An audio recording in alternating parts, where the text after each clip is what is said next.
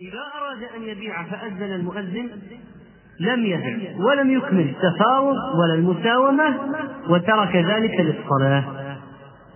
هذا علو همة. من يوم ما يستطيع الحج يحج. هذا علو همة. ما لا يسوف ولا يؤخر. إذا قال الله انفروا خفافا وثقالا صاروا إليه رجالا وركبانا يا أيها الذين آمنوا خذوا حذركم فانفروا ثبات يعني جماعات أو انفروا جميعا نفير عام الجيش كله.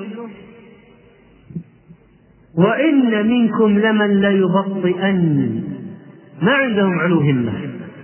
وعندهم ضعف إرادة فهم يثبطون وقلنا أن علو الهمة وقوة الإرادة أمران مترابطان غاية الترابط. وبينهما علاقة وثيقة جدا.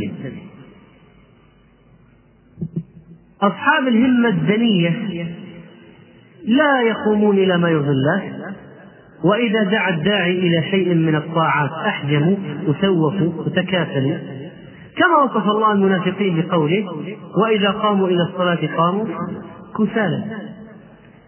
ولا يأتون الصلاة إلا وهم كسالى ولا ينفقون إلا وهم كارهون. فالتكاسل والتقاعس هذا مما ينافي علو الهمة وعكسه الجد وعدم التواني والنبي صلى الله عليه وسلم كان يتعوذ بالله من العجز والكسل فيقول اللهم إني أعوذ بك من العجز والكسل كما جاء في الحديث الصحيح. اللهم إني أعوذ بك من العجز والكسل. هذا دعاء مهم جدا.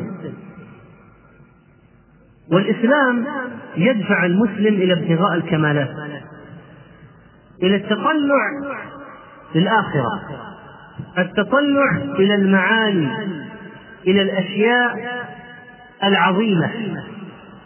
ويصرف المسلم الإسلام يصرف المسلم عن عن أن ينزل ببصره إلى الدنايا والتوافه والصغائر والأمور الحقيقة الحقيرة. خذ مثلا على ذلك في أن الله عز وجل يريد أن يرتفع المسلم بنفسه عن هذه الأرض وجواذبها ودناياها ليتطلع إلى الأمر العظيم إلى الهمة العالية تتطلع الأمر العظيم طاعة الله عز وجل العبادة. أمن هو قانت آناء الليل ساجدا وقائما يحذر الآخرة ويرجو رحمة ربه. فهو يريد أن يكون همة العباد إلى هذا الشيء قيام الليل. قل هل يستوي الذين يعلمون والذين لا يعلمون؟ وقال الله عز وجل لا يستوي القاعدون من المؤمنين غير أولي الضرر والمجاهدون في سبيل الله. لا يستوون هؤلاء. والمجاهدون في سبيل الله بأموالهم وأنفسهم. فضل الله المجاهدين بأموالهم وأنفسهم على القاعدين درجة. وكل وعد الله الحسنى. فضل الله المجاهدين على القاعدين بعذر درجة. ثم قال وفضل الله المجاهدين على القاعدين يعني بغير عذر أجرا عظيما درجات منه ومغفرة ورحمة. وكان الله غفورا رحيما. هذا المنادي من الله. يدعو العباد إلى التطلع إلى هذه المعاني ويقارن لهم بين الشيء العالي والشيء الدني الواطئ لا يستوي منكم. وكذلك حتى الأشياء العالية متفاوتة. فيقول التمسوا الأعلى. لا يستوي منكم من أنفق من قبل الفتح وقاتل. أولئك أعظم درجة من الذين أنفقوا من بعد وقاتلوا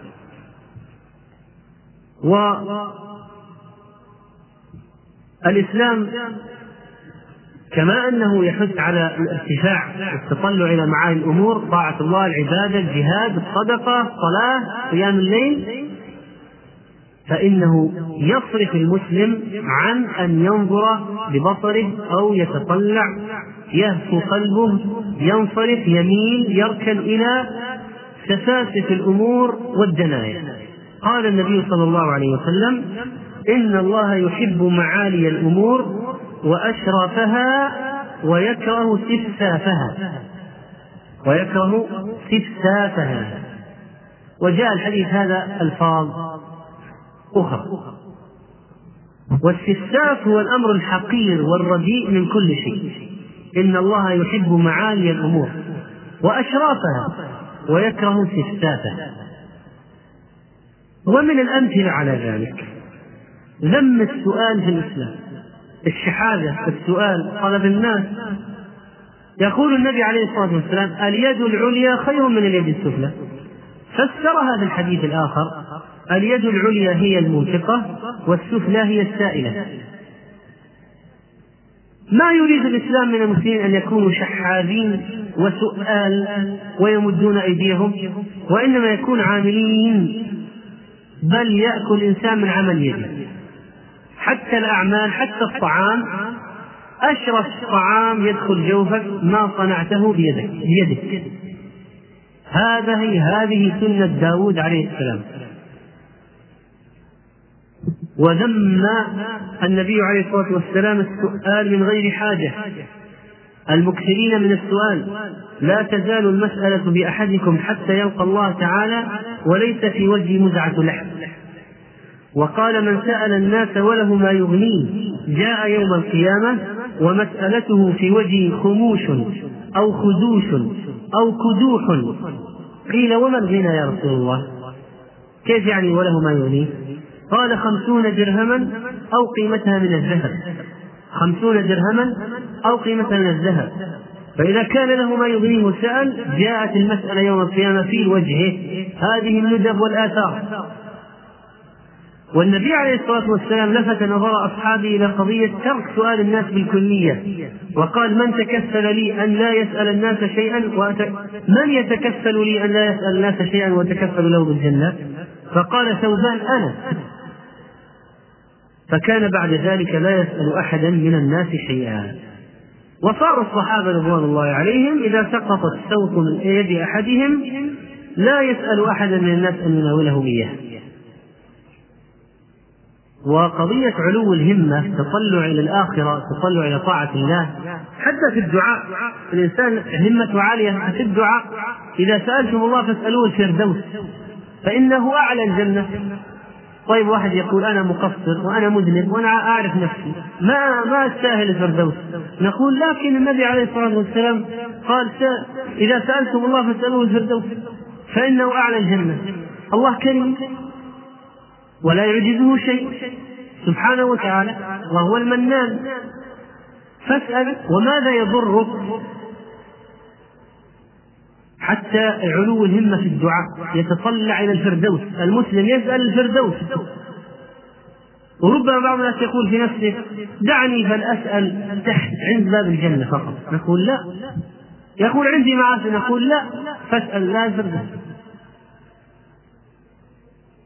حتى في الجنة اسأل المراتب العليا. ادعو الله. فربما يجيبك فتكون من الفائزين. بهذه الدرجات العلى والنعيم المقيم. والذي يدفع المسلم إلى علو الهمة هو الزهد في الدنيا. لأنه إذا عرف حقيقة الدنيا أنها ثانية أنها زائلة أنها ملعونة أنها كالعصف المأكول أنها تكون كهذا الذي تذروه الرياح. فإذا عرف قيمة الدنيا وتفاتها وحقارتها وزوالها وفناءها فإنه في هذه الحالة يزهد فيها وتتطلع همته إلى الأمور العليا إلى الآخرة وإلى الجنان وما أعد الله فيها. ومن الأمور المعينة على أن تكون الهمة عالية اشتغال الإنسان بما يعنيه وانصرافه عما لا يعنيه. فإنه إذا انشغل بما يعنيه معنى يعنيه يعني يعنيه شرعيا شرعا يعنيه شرعا. فالأمر معروف والنهي عن المنكر يعنيك الدعوة إلى الله تعنيك. كسبك لأجل أولادك وزوجتك وإنفاق على نفسك يعنيك. كل هذا يعنيك. معرفة أوقات الصلوات تعنيك. وما لا يعنيك كل ما يضرك وما لا مصلحة لك فيه شرعا. انظر إلى هؤلاء الناس الذين عندهم هوايات عجيبة. التصوير وجمع الطوابع والرياضات البحرية وساعات يعني تقضى فيها ساعات. وصيد الجرابيع. إيش هذا؟ وأن يصعد بسيارته على على تل من رمل. هذه رياضاتهم. هذه هممهم في هذه الأشياء. الألعاب. واحد عند الكمبيوتر في ألعاب الكمبيوتر عشر ساعات. واللعبة تأخذ كل يوم مرحلة. مراحل. ساعات طويلة. ساعات. من حسن إسلام المرء ترك ما لا يعنيه. فينبغي ترك هذه الأشياء. لا نقول لا تروح عن نفسك ولا تتريض الرياضة المباحة. لا هذا مما يعنيك هذا مما يعنيك لكن الإغراق في هذه الأشياء وإضاعة الساعات الطويلة فيها هذا لا شك أنه مناف لعلو الهمة وترك فضول الكلام ومجالس إضاعة الوقت. والناس الثرثارين هذا مهم. أجل أن يحفظ الإنسان وقته. فالشخص الذي عنده علو همة ينصرف لمراعاة وقته. وكل ما هو من مدعاة الكسل والخمول فالإنسان يترفع عنه. حتى التثاؤب. انظر كيف أمرنا برد التثاؤب وتغطية الفم في الصلاة إذا تثاءبنا حتى لا يدخل الشيطان لأن التثاؤب من الشيطان والتثاؤب عنوان الكسل والخمول. حتى التثاؤب. الذي هو عملية طبيعية تكون في الجسم. ومع ذلك نرده ونكظمه أمرنا بذلك شرعا. وبعد هذه النقاط في مقتضيات علو الهمة وبعض الأسباب التي تؤدي إلى علو الهمة لننتقل إلى تطبيقات عملية من واقع السلف في بعض الجوانب فيما يتعلق بعلو الهمة ومن ذلك الهمة في العبادة الهمة في البحث عن الحق الهمة في الدعوة إلى الله الهمة في الجهاد والهمة في طلب العلم. وتحت كل فرع من هذه الفروع نضرب أمثلة ونستلهم المعاني من قصص أولئكم النفر الكرام من الأنبياء والصديقين والشهداء والصالحين. أما في الهمة في العبادة فإن الله سبحانه وتعالى قد رغبنا في ذلك. وذكر لنا أصحاب حال أصحاب الهمم العالية في العبادة. حال أصحاب الهمم العالية في العبادة. مثال تتجافى جنوبهم عن المضاجع يدعون ربهم خوفا وطمعا. ومما رزقناهم ينفقون فلا تعلم نفس ما أخفي لهم من قرة أعين. وهذا النبي صلى الله عليه وسلم أعلى الأمة قاطبة بل هو أعلى الناس في الهمة في العبادة. كان يقوم الليل حتى تتفطر قدمه. ضرب لنا مثل همة عالية في العبادة. قال ابن مسعود صليت مع النبي صلى الله عليه وسلم ليلة فأطال القيام حتى هممت بأمر سوء. قيل وما هممت به؟ قال هممت أن أجلس وأدعه. أكمل الصلاة قاعد. وروى مسلم عن حذيفة قال صليت مع رسول الله صلى الله عليه وسلم ذات ليلة فافتتح البصرة فقلت يركع عند المئة ثم مضى همة عالية مضى فقلت يصلي بها في ركعة. فمضى فقلت يركع بها. ثم افتتح النساء. فقرأها. ثم افتتح آل عمران. فقرأها يقرأ مترسلا إذا مر بآية فيها تسبيح سبح وإذا مر بسؤال سأل وإذا مر بتعوذ تعوذ ثم ركع. فجعل يقول سبحان ربي العظيم فكان ركوعه نحوا من قيامه. ثم قال سمع الله لمن حمده ربنا ولك الحمد. ثم قام قياما طويلا قريبا مما ركع ثم سجد فقال سبحان ربي الأعلى فكان سجوده قريبا من قيامه.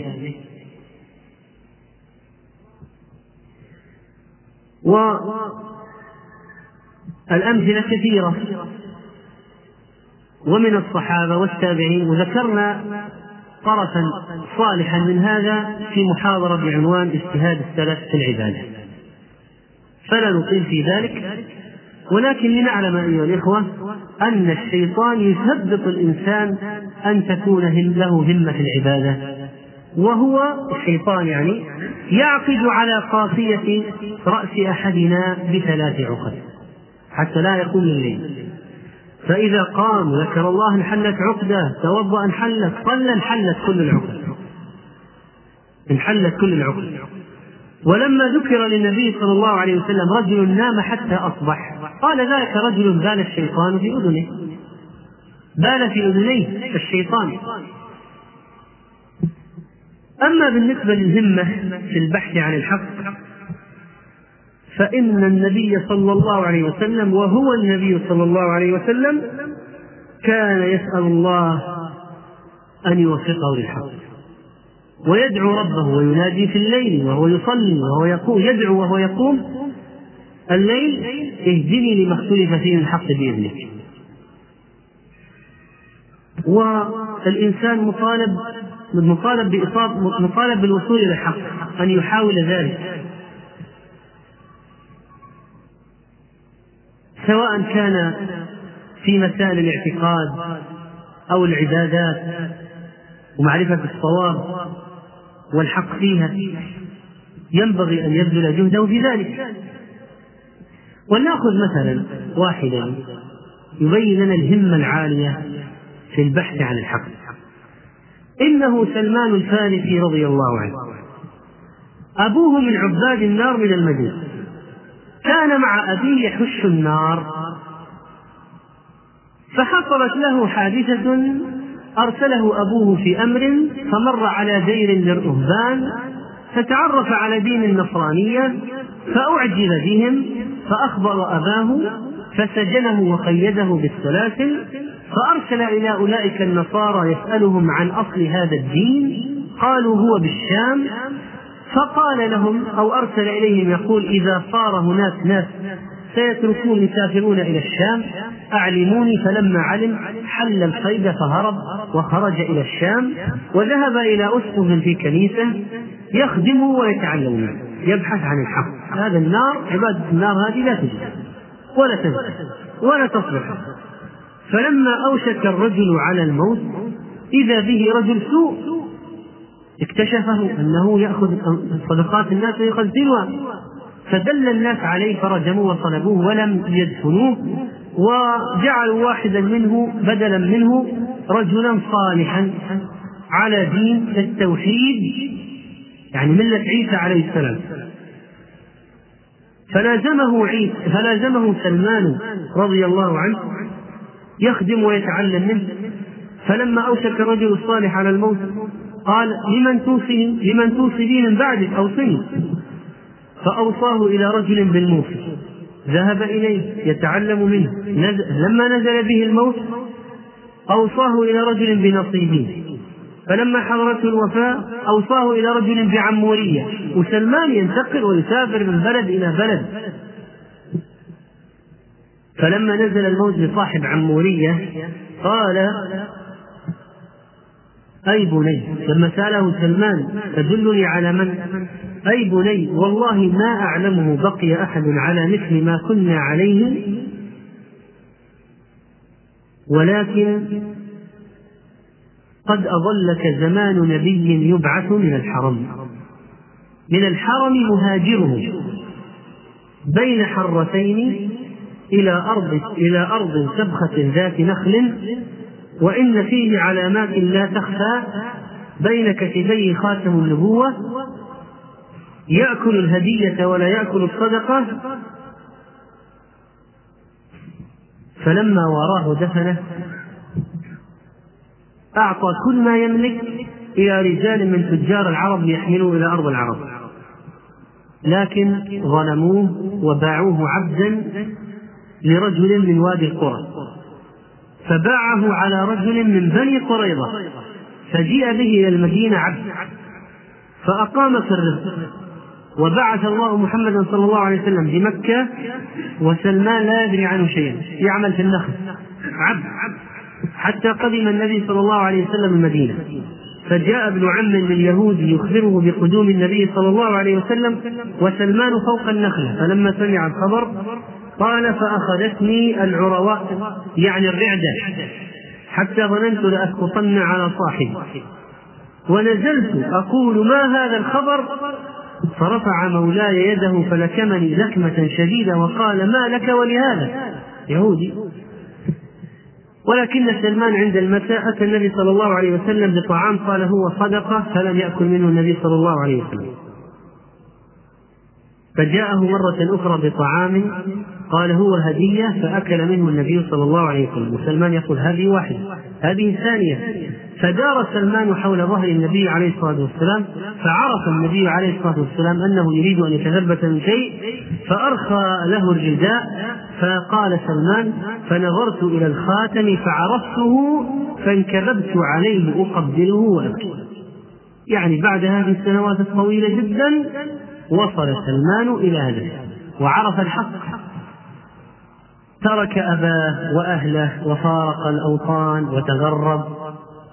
وأنفق كل ما عنده من البقرات والمال لأجل أن يسافر إلى المكان الذي فيه ذلك النبي صلى الله عليه وسلم. وظلم وبيع عبدا واشتغل في الرق سنوات طويلة جدا حتى وصل إلى الهدف وعرف الحق وصل إليه. وإذا كانت النفوس كبارا تعبت في مرادها الأجسام. وأما الهمة في الدعوة إلى الله سبحانه وتعالى فهذه قضية ينبغي أن تكون مغروسة في أنفسنا. لأننا أيها الإخوة مطالبون بأمر إلهي ادع إلى سبيل ربك. يجب علينا أن ندعو. إنقاذ الأمة من الهلكة الأمة الآن تعيش في أحق أوضاعها وأسفل ما هو مر بها في تاريخها. ولو تأملنا صعوبة مهمة الداعية لو تأمل الداعي صعوبة المهمة لعرف أنه لابد أن يكون صاحب إرادة قوية وهمة عالية. لأن هناك جهد كبير ينبغي أن يبذل تصحيح الانحرافات الموجودة ليس أمرا سهلا. والأمر أعظم مما قال عمر بن عبد العزيز. لما قال إني أعالج أمرا لا يعين عليه إلا الله قد ثني عليه الكبير وكبر عليه الصغير. وفصح عليه الأعجمي وهاجر عليه الأعرابي حتى حسبوه دينا لا يرون الحق غيره. هذه الأمة الآن غارقة في المصائب غارقة في المعاصي غارقة في الكفر والشرك. على رأس ذلك إنها المحاربة من قبل الأعداء. يحاربون المساجد بالمراقص والزوجات بالمميسات والعقيدة بالفكر المنحرف والفلسفة والقوة باللذة يحاربوننا بأن يجعلوا همتنا دنية في اللقمة والجنس. والداعي إلى الله إذا رأى أهل الباطل وعملهم في دعوات دعواتهم الباطلة وسعيهم لنشرها حتى لربما كانت عجوزا شمطاء في المجاهل والأدغال مع ضعفها وقلة حيلتها تعمل لأجل الصليب أو غير ذلك من الأفكار المنحرفة ويسهرون الليل وينفقون الأموال. فالخجل أو فالعيب الكبير الداعية إلى الله أو بالشخص أن يتقاعس عن الدعوة وهو ينظر إلى أولئك القوم. والدعوة إلى الله الداعية يعلم أنه منصور وإن لم يكن منصورا بالسنان فهو منصور بالحجة والبيان. لا تزال طائفة من أمتي ظاهرين على الحق لا يضر من خاذلهم حتى يأتي أمر الله. وتأمل يعني تتأمل في قوة إرادة النبي صلى الله عليه وسلم وعلو همته في الدعوة لما بعث ولم يكن في الأرض. في ذلك الوقت إلا هذه البشرية المنحرفة. تأمل حال رجل واحد يراد ومطلوب منه التبليغ وحمل الناس على الدين وإقامة الإسلام في الأرض. واحد أمام هذا الكم الهائل من ركام البشرية المنحرفة التائهة الغارقة في الشرك والوثنية. واحد كم تكون المهمة صعبة؟ والحمل ثقيل. رجع يقول زملوني زملوني من هول ما ألقي عليه من هذه التبعات العظيمة. لا تقاوم أو لا يقام بهذه المسؤولية إلا من قبل رجال صدقوا بالله وآمنوا آمنوا بالله وصدقوا المرسلين. أصحاب همم عالية وإرادات قوية. والدعوة إلى الله طبيعتها الابتلاء والفتن والمحن ولا بد من صبر.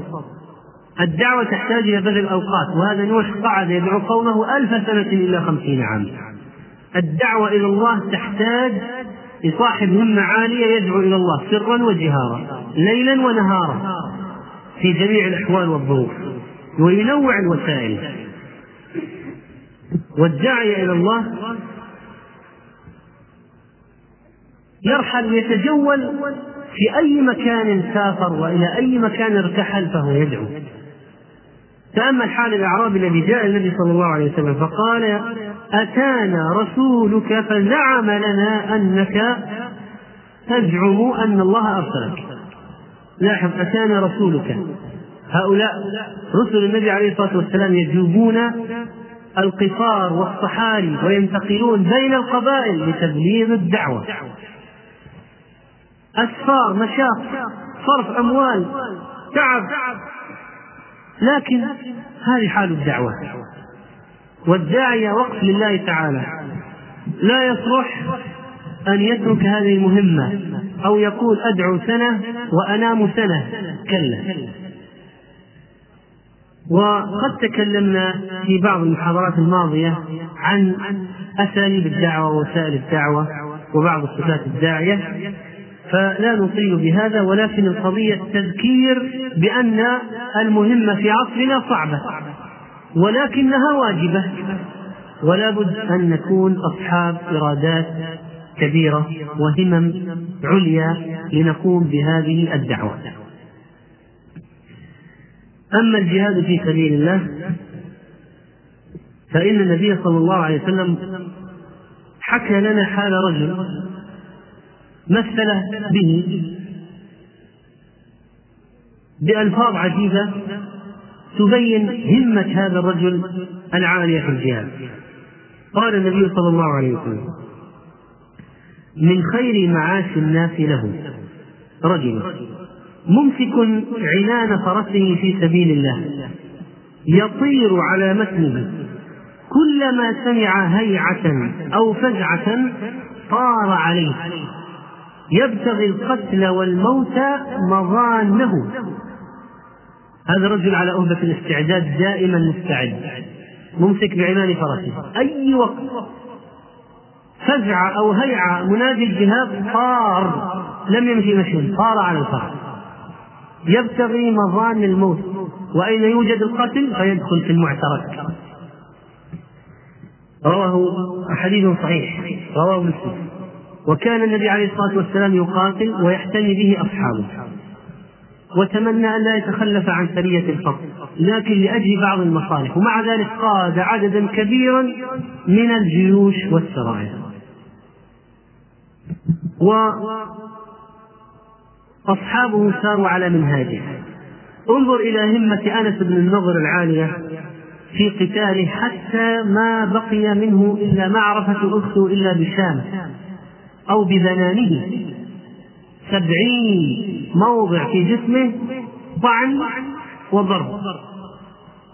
وحمزة في أحد قال الراوي مثل الجمل الأورق يهد الناس بسيفه هدا ما يقوم له شيء. يقول يا ابن أم أنمار يا مقطعة مقطعة البذور أتحاد الله ورسوله؟ يضرب. فكان كأمثل الزاهد. ولعل من أعجب الأمثلة وأروع الأمثلة في تاريخنا الإسلامي لصاحب همة عالية في الجهاد الرجل الذي مع شهرة اسمه لكن لا يعرف عن أفعاله إلا القليل خالد بن الوليد رضي الله عنه. هذا الرجل العجيب والعجيب فعلا فيما قدم لهذا الدين في الجهاد والقتال.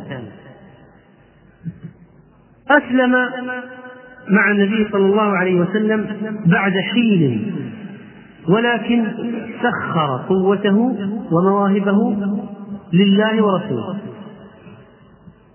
وقاد جيشا من المسلمين في فتح مكة. ولما مات النبي صلى الله عليه وسلم بعدما أرسله وبعثه أيضا بعوثا ارتدت العرب. وكان وكانت مهمة عظيمة ملقاة على أبي بكر الصديق رضي الله عنه فعرف من ينتقي.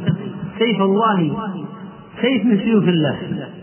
فوجهه إلى أشد الخصوم مسيلمة الكذاب. وقاتلوا في ليالي اليمامة وأيامها مقاتلة شديدة. خالد يقود الجيش حتى أظفرهم الله على المرتدين. وبرغم قساوة وشراسة تلك المعارك معارك الردة التي مع الأسف ليست معروفة لكثير من الأجيال المسلمين معارك الردة التي ينبغي أن تدرس بعناية لأن فيها أمور كثيرة مما ينطبق في زماننا. لم يقعد خالد وإنما وجهه أبو بكر لغزو فارس بادئا بثغر أهل الهند والسند وأرسل معه فهذا فقام خالد رضي الله عنه. قسم الجيش إلى ثلاث فرق وأعدهم عند الحفير وراسل هرمز يدعوه للإسلام أو الجزية أو القتال. وجاء هرمز بجيشه ونزل على الماء ونزل المسلمون على غير ماء وكلموا خالدا فقال حطوا أثقالكم ثم جالدوهم على الماء فلعمري ليصيرن الماء لأصبر الفريقين وأكرم الجندين. وربط الفرس بعضا بالسلاسل. ودعا خالد هرمز للمبارزة. أو هرمز دعا خالد للمبارزة يريد الخديعة. حتى جعل خطة بحيث أن أن هناك ناس من الفرس ينقضون على خالد من الخلف أثناء المبارزة. ولكن القعقاع وهو قائد إسلامي آخر كان منتبها فحمل عليهم. فقتل خالد الهرمز وانهزم الفرس وأرسلت الغنائم إلى أبي بكر. ثم دخل في واقعة المزار وكان وكان هرمز قد كتب لأزدشير يستمده فأمده بقائد منهم فالتقى الجيشان مع فلول جيش هرمز في ذلك المكان. فنهض خالد لقتالهم على التعبئة وخرج إليهم. فاقتتل الجيشان وانهزم الفرس وكانت للمسلمين فيهم مقتلة عظيمة. ثم وقعت الوردة. التي أرسل فيها الفرس جيشا كثيف العدد ونهض لهم خالد. وخلفه من يحمي ظهره. وقسم الجيش وأعد الكمائن. واقتتل الجيشان واستعرت الحرب. وأحاطت وصار الظفر للمسلمين وولى الفرس ومات قائدهم من العطش. ثم انتقل إلى وقعة أليس جماعة من عرب الضاحية. نصارى من بكر ووائل. عبروا أنفسهم للثأر وراسلوا الفرس فأمدوهم وعلم خالد باجتماعهم. فذهب إليهم وعاجلهم. واقتتل الجيشان في مقتلة عظيمة ونذر خالد إن أظفره الله بهم ليجرين نهرهم بدمائهم. وهزم الله الفرس وأسر المسلمون الكثير منهم ثم قتلوهم حتى جرى النهر بدمهم فسمي نهر الدم. وكان خالد يقول ما لقيت من أهل فارس قوما كأهل أليس وقسم الغنائم وأرسل الخمس إلى الخليفة ثم وقعت أمريسيا التي أكمل خالد بجنده إليها وقاتل أهلها وولوا تاركين كل شيء. ما أن اقترب خالد هربوا وتركوا كل شيء غنيمة. ثم توجه إلى الحيرة وخرج المرزبان بجنده. وجعل خالد الجيش على سفن في الفرات. ولكن الفرس عملوا مكيدة بأن يفجروا أنهارا فرعية لتقف سفن المسلمين بأحمالها. وفعلا وقفت سفن المسلمين أحمالها لكن خالد لم يكن ليحتار ويضطرب ولا يدري ماذا يفعل. وإنما انفلت بكتيبة من المسلمين وقاتل ابن المرزبان على حين غفلة من جيشه حتى هزمهم وهم القائمون على الانهار الفرعية وأجرى الماء في الفرات فرجعت ورجع الماء وحملت سفن حمل سفن المسلمين. ودخل الحيرة وفتحها وأعملوا القتل فيها وخيرهم خالد خير قساوستها فاختاروا الجزية فأرسل لأبي بكر الصديق. ثم انتقل إلى الأنبار وهكذا من معركة إلى أخرى. ثم إلى عين التمر وهي واقع عجيبة. ثم إلى دومة الجندل. ثم إلى الخنافس والحصيد وهي وقعة أخرى. ثم ينتقل خالد من مكان إلى مكان إلى واقعة الفراب التي تحالف فيها الفرس والروم ونصارى العرب. في جيش واحد ضد خالد الوليد وجيش المسلمين. وفتحها الله. ثم معركة اليرموك المشهورة وأنتم تعلمون ما فيها وظهرت العبقرية العجيبة لخالد الوليد حينما أراد أن يفاجئ الروم من مكان لا لا يحسبون له حسابا. فاختار أن ينطلق من العراق إلى الشام عبر بادية الشام.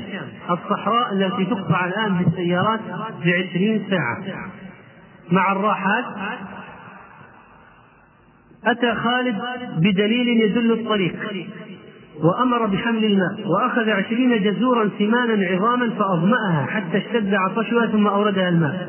حتى رويت فقطع مشافرها وعكمها حتى لا تجتر. وكان كل يوم لهم منزل يعمد إلى أربع من الإبل فيقطع أسلمتها ويأخذ ما في كروشها ويسقيه الخيل. حتى كان المنزل الأخير. فوفقهم الله. حتى عبروا ذلك المكان وفاجأ الروم من المكان الذي لا يحتسبونه. ولما حوصرت دمشق من أبوابها المختلفة كان جيش خالد الوليد الفرقة التي فيها خالد هي التي دخلت دمشق. وهو الذي قال لهم انتظرونا. فإذا سمعتمونا كبرنا فاقتحموا. فصعد هو معه الأسوار ونزلوا على الروم. في الفرات وقتلوهم وفتحوا الأبواب وكبروا فدخلت جيوش المسلمين إلى دمشق. وكان أهلها من الطرف الآخر بعض أهلها صالحوا المسلمين في الجهة الأخرى. فصار بعض دمشق فتح عنوة وبعضها فتح صلحا. وهكذا يستمر خالد الوليد وفي معركة من المعارك. تواجه الجيش خالد مع جيش عقة بن أبي عقة النصراني العربي الذي كان يجهز الجيش. فلمح خالد ثغرة. فترك جيشه وانطلق إلى القائد. انطلق من مكانه إلى إلى القائد المشرك الكافر. فأخذ به فاحتضنه ورجع به أسيرا. فانهزم جيشه تصور انقض على القائد انقض عليه فأخذه وسرقه ورجع به. وفي معركة من المعارك حاصر المسلمون حصنا فقال بعض المسلمين لخالد إن هؤلاء إذا رأوا وجهك لا ينزل لا يخرجون خارج الحصن نحن نريد أن يخرجوا نقاتلهم فخرج خالد نهارا وهم يرونه مبتعدا. ثم دخل ليلا في الجيش مرة أخرى. في الصباح خرجوا لأنهم علموا أن خالد خرج خرجوا من الحصن ليقاتلوا فصبحهم خالد بوجهه. فهزموا. رضي الله تعالى عنه. ويستمر حتى يطيع أمر الخليفة عمر الخطاب رضي الله عنه بعد حين برجوعه إلى المدينة ويكون عنده حتى وفاه الأجل رضي الله عنه. في إحدى الغزوات بعدما فتح مدينة أخذ فرسانا وذهب إلى الحج. قطع المسافة. إلى عرفة مباشرة حج ورجع. فلما رأوا أصحاب حليق الرأس عرفوا أنه قد وأخيرا من الأمثلة العالية الهمم العالية في طلب العلم كثيرة جدا وننتقي بعض المقاطع. عن ابن عباس قال لما توفي رسول الله صلى الله عليه وسلم قلت لرجل من الأنصار هلم نسال أصحاب رسول الله صلى الله عليه وسلم فإنهم اليوم كثير. فقال وعجبا لك يا ابن عباس أترى الناس يحتاجون إليك؟ وفي الناس من أصحاب النبي صلى الله عليه وسلم من ترى؟ فترك ذلك وأقبلت على المسألة يسأل ابن عباس. فإن كان لا يبلغني الحديث عن الرجل فآتيه وهو قائم نائم القيلولة فأتوسد ردائي على بابه فتسكي الريح علي التراب فيخرج فيراني فيقول يا ابن عم رسول الله ألا أرسلت إلي فآتيك؟ فأقول أنا أحق أن آتيك فأسلمك قال فبقي الرجل حتى رآني وقد اجتمع الناس علي فقال هذا الفتى أعقل مني. الهمة العالية يتوسد يتوسد عند الباب في الظهيرة هذا الرجل نائم وابن عباس عند الباب والريح تأتي بالتراب ينتظر للمسألة العلمية. وعروة بن الزبير عن هشام عن أبيه أنه كان يقول لنا ونحن شباب ما لكم لا تعلمون إن تكونوا صغار قوم يوشك أن تكونوا كبار قوم. وما خير الشيخ أن يكون شيخا وهو جاهل. لقد رأيتني قبل موت عائشة بأربع حجج وأنا أقول لو ماتت اليوم ما ندمت على حديث عندها إلا وقد وعيته. ولقد كان يبلغني عن الصحابي الحديث فآتيه وأجده قد قال فأجلس على بابي ثم أسأله عنه. وكان عامر بن قيس التميمي مقرئا يقرئ الناس القرآن. فيأتيه ناس فيقرئهم القرآن. ثم يقوم فيصلي إلى الظهر. من الصباح يقرئ إلى الظهر. ثم يصلي العصر. ثم يقرئ الناس إلى المغرب. ثم يصلي ما بين العشاءين فينصرف إلى منزله. فيأكل رغيفا وينام نومة خفيفة. ثم يقوم لصلاته. ثم يتسحر رغيفا ويخرج. صيام وصيام وإقراء قرآن من الصباح إلى الليل أما سعيد بن عبد العزيز السنوخي قال كنت أجلس بالغدوات إلى ابن أبي مالك وأجالس بعد الظهر إسماعيل بن عبيد الله وبعد العصر مكحول. وأما القعنبي قال أبو حاتم ثقة الحجة لم أرى أخشع منه. كان إذا مر المجلس القوم قالوا لا إله إلا الله ذكروا الله عز وجل. سألناه أن يقرأ علينا الموطأ. فقال تعالوا بالغداء. فقلنا لنا مجلس عند الحجاج بن منهال. قال فإذا فرغتم منه؟ قلنا فإن فنأتي حينئذ مسلم بن إبراهيم. قال فإذا فرغتم؟ قلنا نأتي أبا حذيفة النهدي. قال فبعد العصر؟ قلنا نأتي عالما أبا النعمان. قال فبعد المغرب؟ فكان يأتينا بالليل. فيخرج علينا وعليه كبل ما تحته شيء في الصيف فكان يقرأ علينا في الحر الشديد حينئذ. هذا يدل على كيف كيف كان أبو حاتم رحمه الله واقرانه يطلبون العلم مجالس متواصلة. و حدث بعض أهل العلم وهو ابن حبان عن بعض العلماء قال عن عبد الحبان يحدث عن نفسه قال لعلنا قد كتبنا عن أكثر من ألفي شيخ. قال الذهبي كذا فلتكن الهمم. هذا ما كان عليه من الفقه والعربية والفضائل الباهرة وكثرة التصانيف رحمه الله. وقال محمد بن علي السلمي كنت ليلة سحرا لآخذ النوبة على ابن الأخرم فوجدت قد سبقني ثلاثون قارئا. لم تدرك النوبة إلا العصر إلى العصر. بعض يكون سواء عند الشيخ. وابن الأخرم كان له حلقة عظيمة بجامع دمشق يقرؤون عليه من بعد الفجر إلى الظهر. والطبري قال لأصحابه هل تنشطون لتاريخ العالم من آدم إلى وقتنا؟ قالوا كم قدره؟ قال نحو ثلاثين ألف ورقة. فقالوا هذا مما تفني الأعمار قبل تمامه. قال إنا لله قد ماتت الهمم ماتت الهمم فاختصر ذلك في نحو ثلاثة آلاف ورقة. وأما السمعاني رحمه الله فإنه طوف البلاد وأخذ عن مشايخ لا لا يعدون. وذهب إلى أبي ورد وإسرائيل والأنبار وبخارى وبسطام والبصرة وبلخ وترمذ وجرجان وحماة وحمص وحلب وخسر وجرد والري وسرخس وسمرقند وهمدان وهرات والحرمين والكوفة وواسط والموصل ونهاوند والمدائن ما في ما في طائرات ولا في سيارات ولا قطارات. المشي على الأرجل وعلى الدواب حتى دخل بيت المقدس والخليل وهما بأيدي الفرنج تحيل وخاطر ودخل. رغم أن تحت احتلال النصارى. السلفي الذي في أقل من الذي ذهب يطلب العلم وله أقل من عشرين سنة ارتحل ونسخ من أجزاء ما لا يحصى وكان ينسخ الجزء الضخم في ليلة وبقي في الرحلة ثمانية عشر عاما. وابن طاهر قال بلت الدم في طلب الحديث مرتين مرة ببغداد وأخرى بمكة كنت أمشي حافيا في الحرب فلحقني ذلك. وكنت أحمل كتبي على ظهري. وما سألت في الطلب أحدا ما مدت يدي لأحد. قيل أنه كان يمشي في اليوم والليلة عشرين فرسخ. يفرتق تقريبا خمسة كيلو. وروي عن سليم الرازي قال كان أبو حامد الأسفرايني في أول أمره يحرس في درب. لكن له همة عالية. ولو كان يحرس في درب وكان يطالع على زيت الحرس يقرأ على مشاعل الحرس. وأفتى وهو ابن سبع عشرة سنة. عطاء بن أبي رباح كان فراشه المسجد عشرين سنة. الزهري جلس يتذاكر الحديث من بعد العشاء حتى أصبح وعدد من السلف فعلوا ذلك. الإمام مالك قلما صلى الصبح إلا بوضوء العشاء 49 سنة. وكيع بن الجراح والإمام أحدم أحمد تذاكر الحديث من العشاء إلى آخر الليل.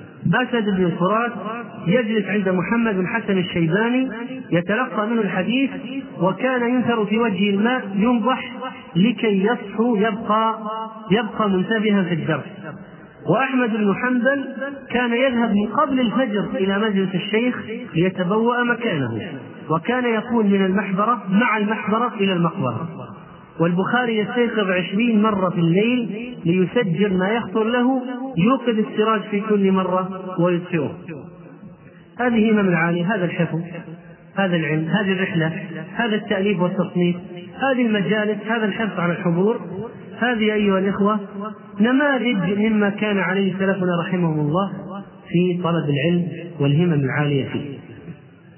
فنسأل الله سبحانه وتعالى أن يلهمنا رشدنا وأن يقينا شر أنفسنا وأن يقوي إراداتنا في طاعته وأن يجعلنا من أصحاب الهمم العالية في في سبيله مجاهدين وعلماء عاملين. والله تعالى أعلم وصلى الله وسلم على نبينا محمد.